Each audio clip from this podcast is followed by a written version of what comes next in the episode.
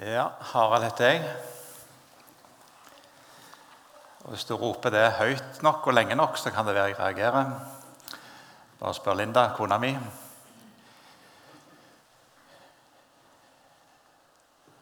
For 20 år siden så var jeg òg et medlem av denne forsamlingen.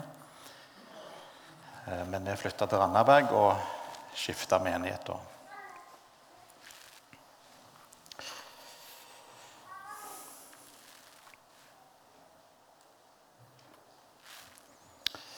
Da jeg åpna posten på fredag, så trakk jeg opp et kort som ser sånn ut. Og Her står det 'Jeg skal ikke dø, men leve og fortelle om Herrens gjerninger'. Derfor er jeg kommet hit i dag. For jeg skulle ikke dø, men jeg skulle leve og fortelle om Herrens gjerninger.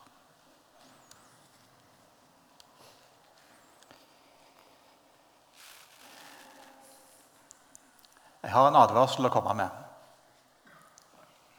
Det jeg forteller nå, det er overnaturlig. Det vil si at det er ikke etterprøvbart for andre. Og i det ligger det en spenning. Fordi hvis det ikke er etterprøvbart, hvordan kan vi da vite at det er sant?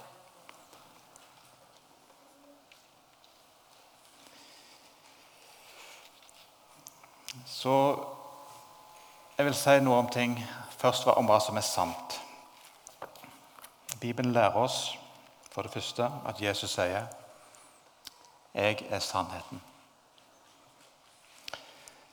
Derfor Det jeg nå forteller, viser dette oss som er her i dag, hvem Jesus er. Sier det noe sant om Jesus? For det andre så står det i Johannes 17, vers 17 at ditt ord er sannhet. Derfor samstemmer det som jeg nå sier, med det som Bibelen sier. For det tredje så sier Bibelen i 1. Johannes brev 5, vers 6 Ånden er den som vitner, for ånden er sannheten. Derfor, for det tredje, når jeg forteller dette, bærer Den hellige ånd vitnesbyrd om ham, om Jesus. Så hvis disse tre er på plass, så tenker jeg meg at vi er på trygg grunn for å måle det mot sannhet.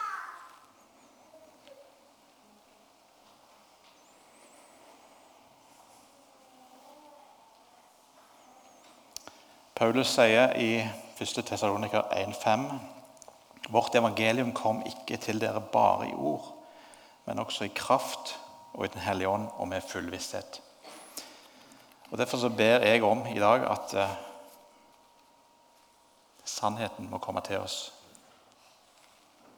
i kraft i Den hellige ånd og med full visshet.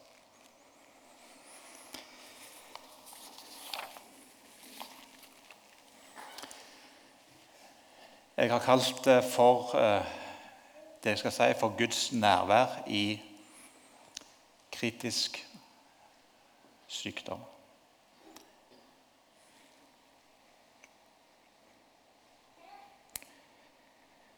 Så jeg kunne ha kalt på legene på sykehuset som behandla meg. Og de kunne fortalt hva som skjedde med kroppen min. Jeg kunne kalt opp Linda, som sitter her, kona mi, og hun kunne vitne det som hun så. Men jeg må vitne om det som jeg så, og min kropp var livløs.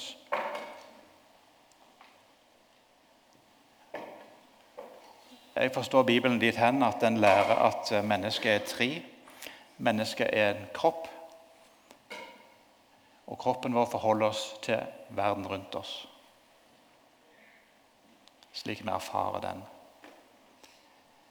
For det andre så har vi en sjel. Det er vår tanke, vår intellekt, vilje, følelser. Som forholder oss til oss sjøl og hvordan vi opplever verden. Men for det tredje så har vi en ånd. Og det er vår ånd som har kontakt med Gud. Det er vår ånd som kjenner Gud. For du kan se sjelen din, tankene dine, sinnet ditt kan være full av kunnskap. Du kan være full av teologi, du kan ha hørt mye om Gud. Men det er din ånd som kjenner Gud.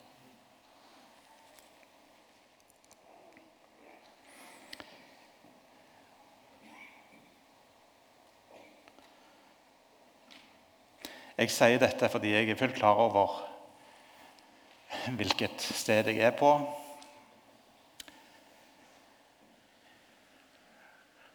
Og Jeg sa til Kristoffer Inge jeg har aldri skrevet noen mastergrad i teologi. Men hvis jeg skulle gjort det, så skulle jeg undersøkt dette. Hva er det med lutheranere og Den hellige ånd?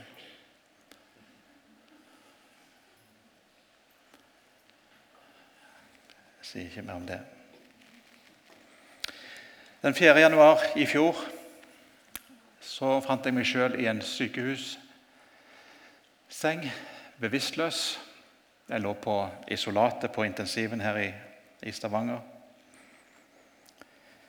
Jeg husker at jeg gikk inn i sykebilen, men jeg husker ikke at jeg gikk ut av den. Så jeg tror jeg var så nær døden som det er mulig å komme uten å gå over på den andre siden.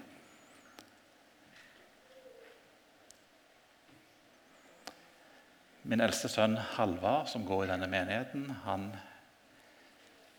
var vel den eneste som skjønte hvor alvorlig dette kunne være. Og som sa, 'Far, nå ringer du til sykehuset, for vi er glad i deg.' Og Hadde han ikke gjort det, og hadde ikke jeg, eller var vel gjerne Linda som ringte, hadde ikke hun gjort det, så kan det jo være at jeg hadde stått her for det. Men da måtte Gud ha reist meg opp fra de døde.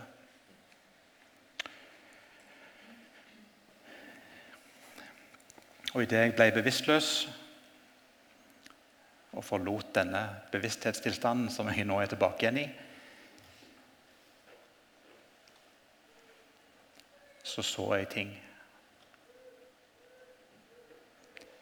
Og jeg er helt sikker på her jeg står nå, at det var mørke krefter som ville dra meg ned i dødsriket.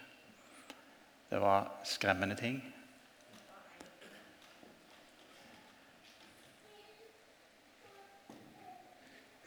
Og min ånd ropte på Gud. Jeg ropte til Gud om hjelp. Og på et tidspunkt så ble det helt stille. Jeg fikk full fred.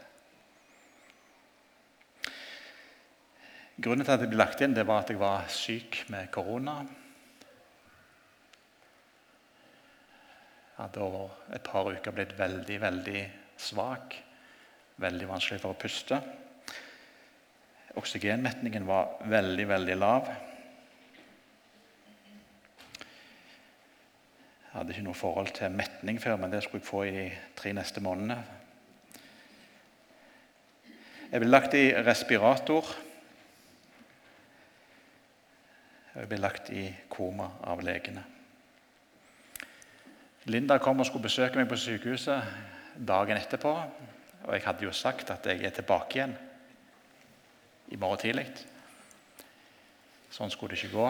Da hun kom inn der, så sa sykepleieren at dette er livstruende. Det er veldig alvorlig.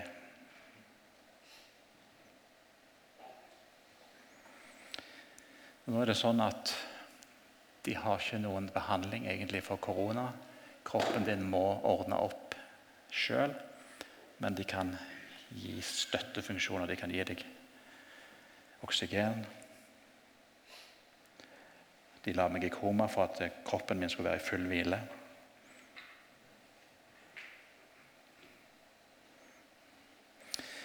Så I løpet av en 14 dagers tid så, så ble jeg bedre, og for en liten stund så tok de meg ut av koma sendte meg på en annen avdeling.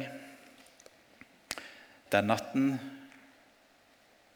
skjedde det noe fatalt. En sonde med næring som gikk ned i magesekken min, av en eller annen grunn kom på avveie og havna i lungene. Som hadde sin fulle hyre med koronaviruset allerede. Det var tilbake igjen til intensiven, enda alvorligere enn før. Og det tredje som oppsto på intensiven, var at jeg fikk en sepsis, altså en blod, blodforgiftning. Og legene klarte ikke å finne ut av hvor den betennelsen kom ifra. De lette i fra mandag til lørdag. Og de fant ikke ut av det. Så jeg fikk nyresvikt, og da måtte de behandle nyrene med dialyse. Feberen var skyhøy. En ettermiddag Linda kom, hun så parametrene på alle apparatene som jeg hadde på begge sider av sykehussengen. Hun så feberen steg, hun så CRP-en steg. Og spurte legen hvor mye kan dette egentlig stige nå. Og han sa rolig det bør ikke stige mer nå.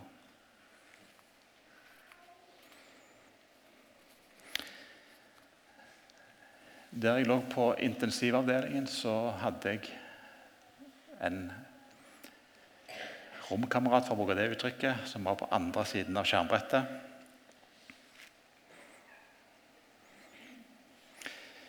En ettermiddag når Linda kom, så ble hun stoppet. Og sykepleieren sa at eh, nå er presten her og de pårørende her, for han skal dø av korona, han som ligger på rommet, Harald.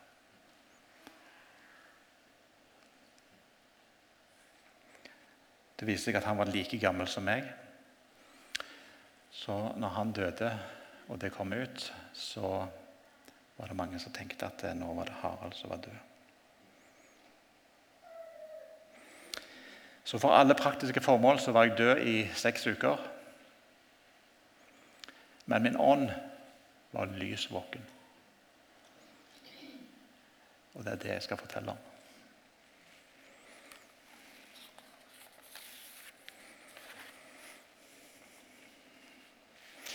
Salme 23 sier ja, selv om jeg må vandre gjennom dødsskyggens dal, frykter jeg ikke for noe ondt, for du er med meg. Din kjepp og din stav, de trøster meg.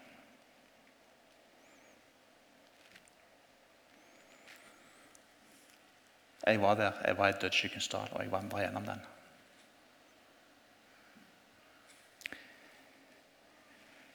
Og jeg skal fortelle deg at det var en annen som var med meg der.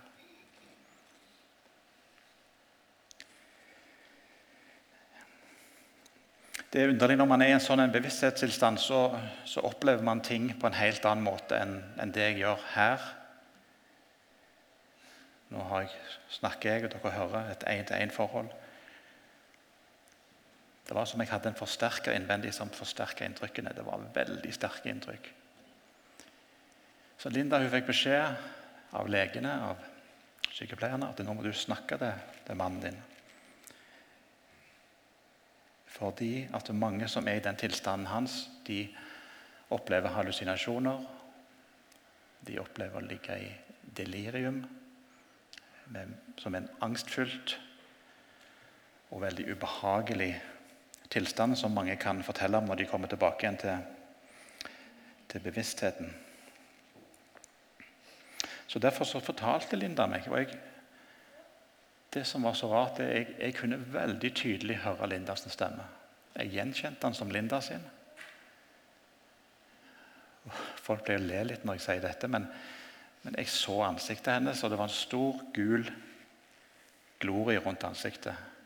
Ja, men dette er jo Linda, og hun snakker til meg. Men jeg kunne jo ikke se henne.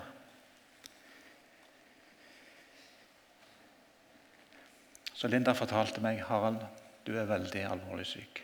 Og jeg tenkte er jeg det? Det skjønte jeg ikke. For jeg hadde det så godt.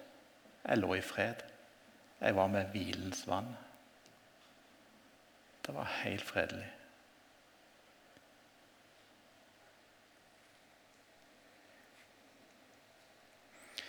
Så fortalte hun om praktiske ting i hverdagen. Jeg hadde nettopp starta et firma. Og det hadde jo selvfølgelig gått dukken om ikke noen hadde grepet inn. Så en god kamerat grep inn, tok tak i det og berga det gjennom disse månedene. Jeg takker Gud for ham. Linda fortalte om helt vanlige, ordinære hverdagsopplevelser. Hun kunne fortelle at uh, i kveld skal Målfrid, altså svigermor mi, hun skal komme og besøke. Og jeg tenkte er det sant? Kommer hun på besøk? Det er jo fantastisk. Alle ting ble helt sånn stort. Helt ordinære ting var hvem vi skulle spise med, hva vi skulle gjøre. Arne Grete som bana ut på kafé. Er det sant? Det er jo fantastisk.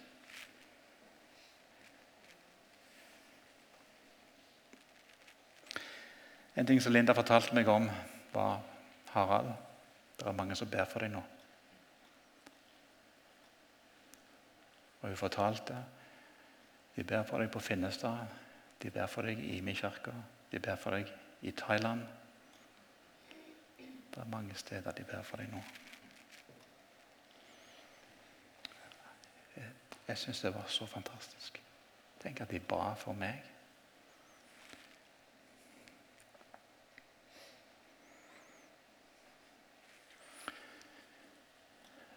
så fikk jeg se et syn. Jeg så et stort område som var fullt av lys. Mange svake lys. Men midt iblant alle de svake lysene så lyste det noen veldig, veldig sterkt. Med stor kraft. Og Det var som jeg så ned på dette, og så lurte jeg på hva er dette? Hva er det jeg ser nå?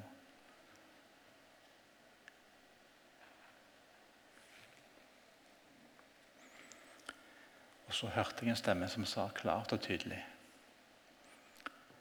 Her bor de som ber for deg, Harald.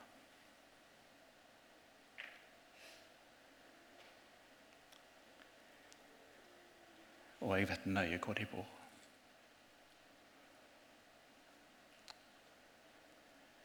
Og Navn kom til meg, det ble ikke sagt, men jeg visste det. Og jeg visste at disse menneskene de har jeg lært å kjenne som forbedere.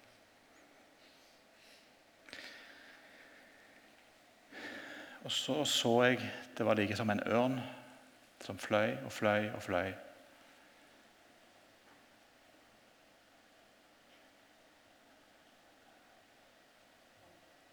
Så var det som jeg fikk inntrykk av at dette er forbederen som flyr inn i Guds råd. For de som har lært forbønnens hemmelighet,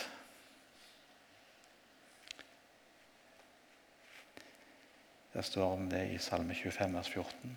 Herren har fortrolig samfunn med dem som frykter ham, og han skal lære dem sin pakt å kjenne. De har fortrolig samfunn med Herren. Så når det oppstår et behov på jorden, så flyr de inn i Guds råd. Herre, nå trenger denne, min bror eller søster, hjelp. Det kan være hva som helst.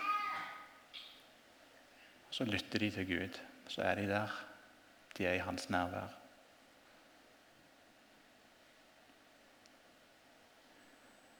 Og så svarer Gud. Og når de har fått svaret, så flyr de tilbake igjen. Og så er poenget de ber det Gud har sagt.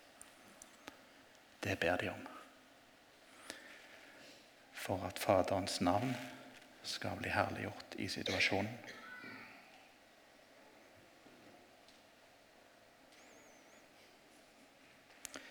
Det var mange som ba for meg. To kvinner bl.a. som ikke vet om hverandre. På helt ulike steder. Og begge de to har sagt til meg etterpå at de kjente i sin ånd på et tidspunkt at nå snur det for Harald. Nå snur situasjonen.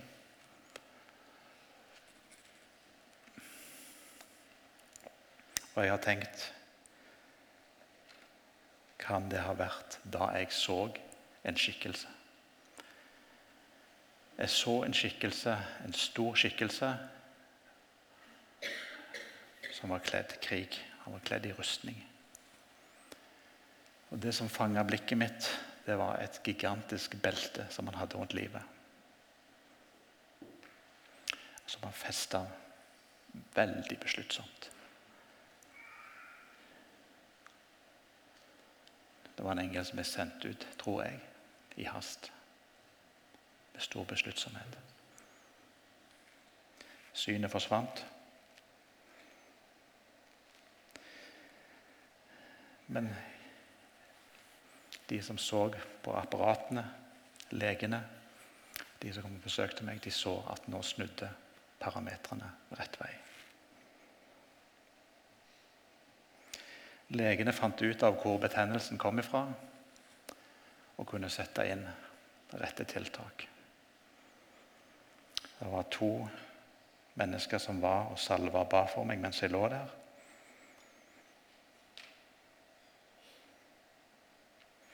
Og det pussige jeg hørte aldri deres bønner. Jeg hørte aldri hva de ba om, eller hva de sa. Jeg hørte bare Lindas stemme. Det har jeg undra meg over. Kanskje Gud åpna inn en vei for hennes stemme, men ikke for de andre sine.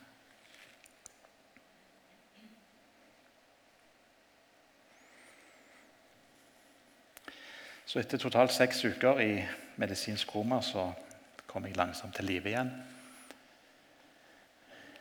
Og Det var en festlig intensivsykepleier der som het Klaus. og han, Jeg fikk god kontakt med han. Linda hadde fått god kontakt med han. og En av forbederne hadde også fått veldig god kontakt med han. Og fortalte han om sin tjeneste som forbeder og alle de tingene han hadde sett Gud gjør som følge av hans forbønn. Og han var veldig interessert. Så når jeg våkna, så trodde jo jeg jeg har bare vært her en natt eller en kort stund. Så nei, du har vært her i seks uker, sa han. Og så begynte han å fortelle om alt som hadde skjedd med meg.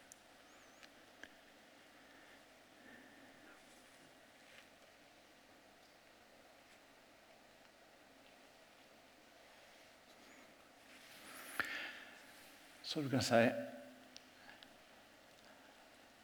Det var vanskelig for meg å forstå dette.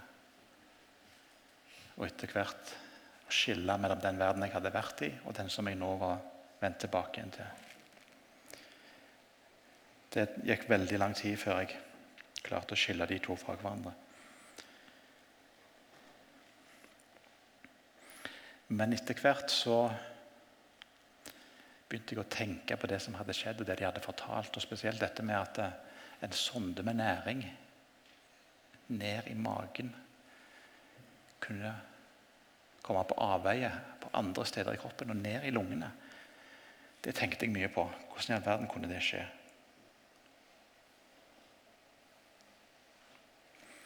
Så er det litt sånn Når du tenker for mye på en ting, så, så begynner tanken å spinne. og Så kan man bli grepet av frykt. Og Jeg hadde vært i total fred fram til nå, men en kveld så grep dødsfrykten meg voldsomt. For jeg tenkte Hvis dette skjer på sykehuset, på det tryggeste plassen jeg kan være, så kan det jo skje en gang til.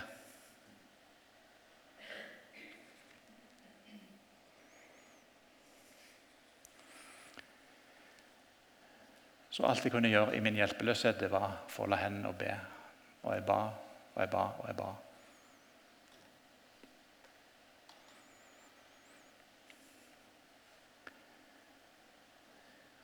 Og så, med ett, så var det et nærvær. Et sterkt nærvær på det rommet. Og jeg hørte klart en stemme som sier inni meg.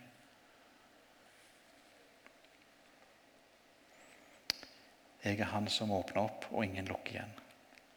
Jeg er han som lukker igjen, og ingen åpner opp. Nå skal jeg passe på dine organer i natt, og du kan hvile i fred.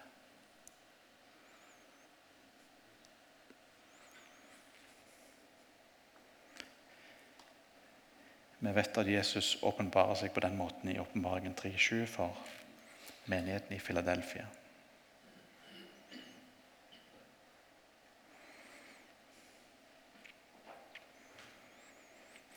En ettermiddag så kom Linda til meg, og da hadde du fått et ord fra Jesaja 41, vers 8.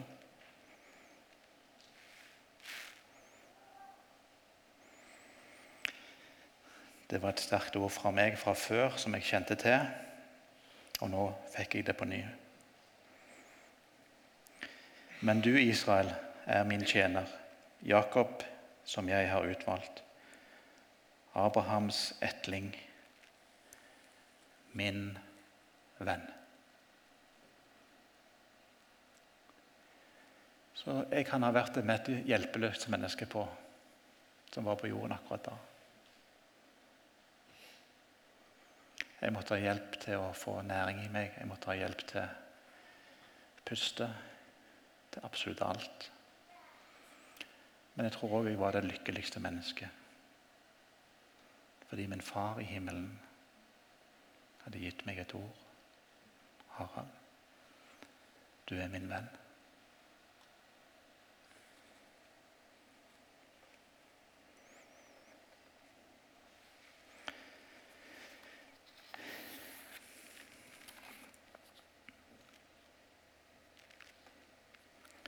Det siste jeg vil fortelle om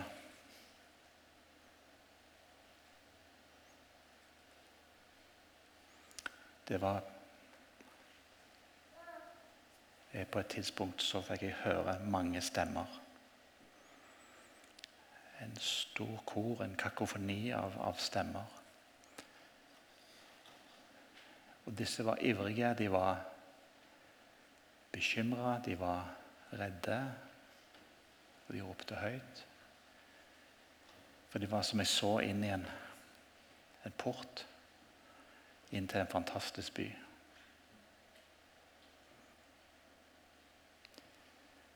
Og disse stemmene ropte er det noen som kjenner han som regjerer i denne byen. Er det noen som vet hvordan vi kom inn her? Og Det var som jeg òg blander meg inn i det koret. og ja, er det noen av dere som vet?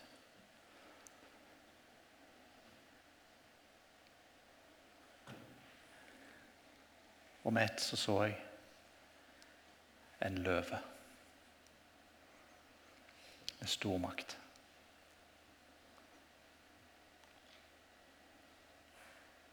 Stor kraft og herlighet. Og en stemme sa De som har gitt ham ære i livet på jorden. De kommer inn i denne byen, for det er det de gjør her. De gir Han ære.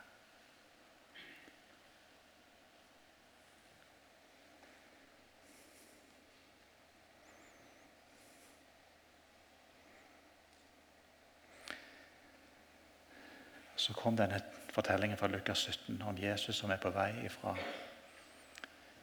Galilea, gjennom Samaria og mot Jerusalem. Så kom han inn i en landsby. Og det var ti spedalske menn som roper på Jesus. Og Jesus sier at de skal gå og vise seg for prestene, sånn som Moses har sagt.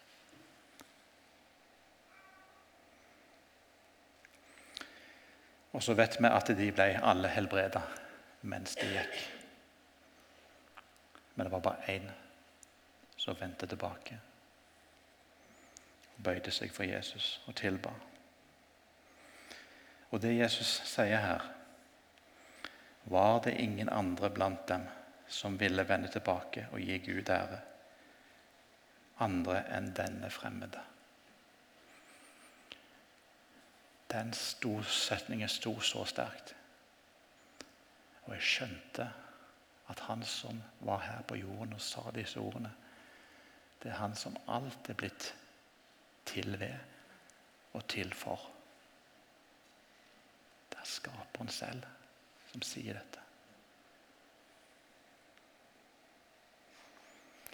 Jeg har tenkt mye på det senere, og det Jesus sier i Johannes 5, vers 44. Hvordan kan dere tro? Dere som gjerne vil ha ære av hverandre, og ikke søke ære hos den eneste Gud. Jeg har tenkt mye på det verset. Er det som om Jesus sier at eh, hvis du søker ære av mennesker, så kan du ikke tro. For bare den som søker ære av far, kan tro.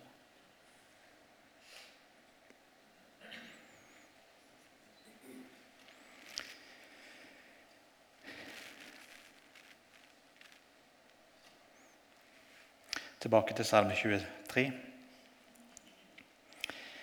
Vers 5.: Du dekker bord for meg framfor mine fiender. Du salver mitt hode med olje. Mitt beger flyter over. Sannelig, bare godhet og miskunnhet skal etterjage meg alle mitt livs dager, og jeg skal bo i Herrens hus til evig tid.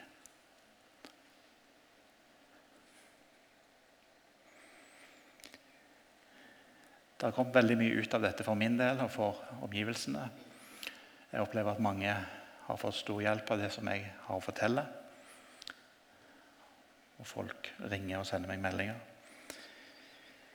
For min del så kjenner jeg at frykten for døden er borte.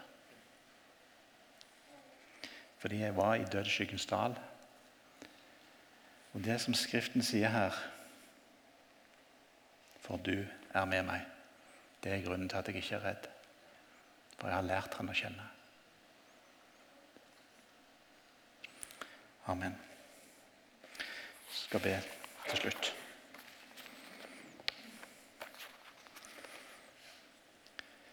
Far, jeg takker deg for at uh, du har vist meg dette. Jeg takker deg for at jeg får lov å dele det med andre, det som du har vist meg. Og jeg tror du viste det for en hensikt. Og jeg ber at den hensikten skal bære frukt i menneskene sine hjerter. Takker deg, Jesus, for dette hellige stedet. Takk for alle som har fått hørt om deg, og som har vitna om din godhet på dette stedet, og som fortsatt, fortsatt skal få lov til å gjøre det. Og at jeg skulle få lov å være en av dem. Nå ber jeg om at du velsigner dette stedet, lederskapet og alle de menneskene som går her, fortsatt. Og jeg ber Herre om at dette skal være et sted for ditt nærvær. At menneskene som ikke kjenner deg, skal høre om dette stedet som et sted sannelig Herren bor på dette stedet. I Jesu navn. Amen.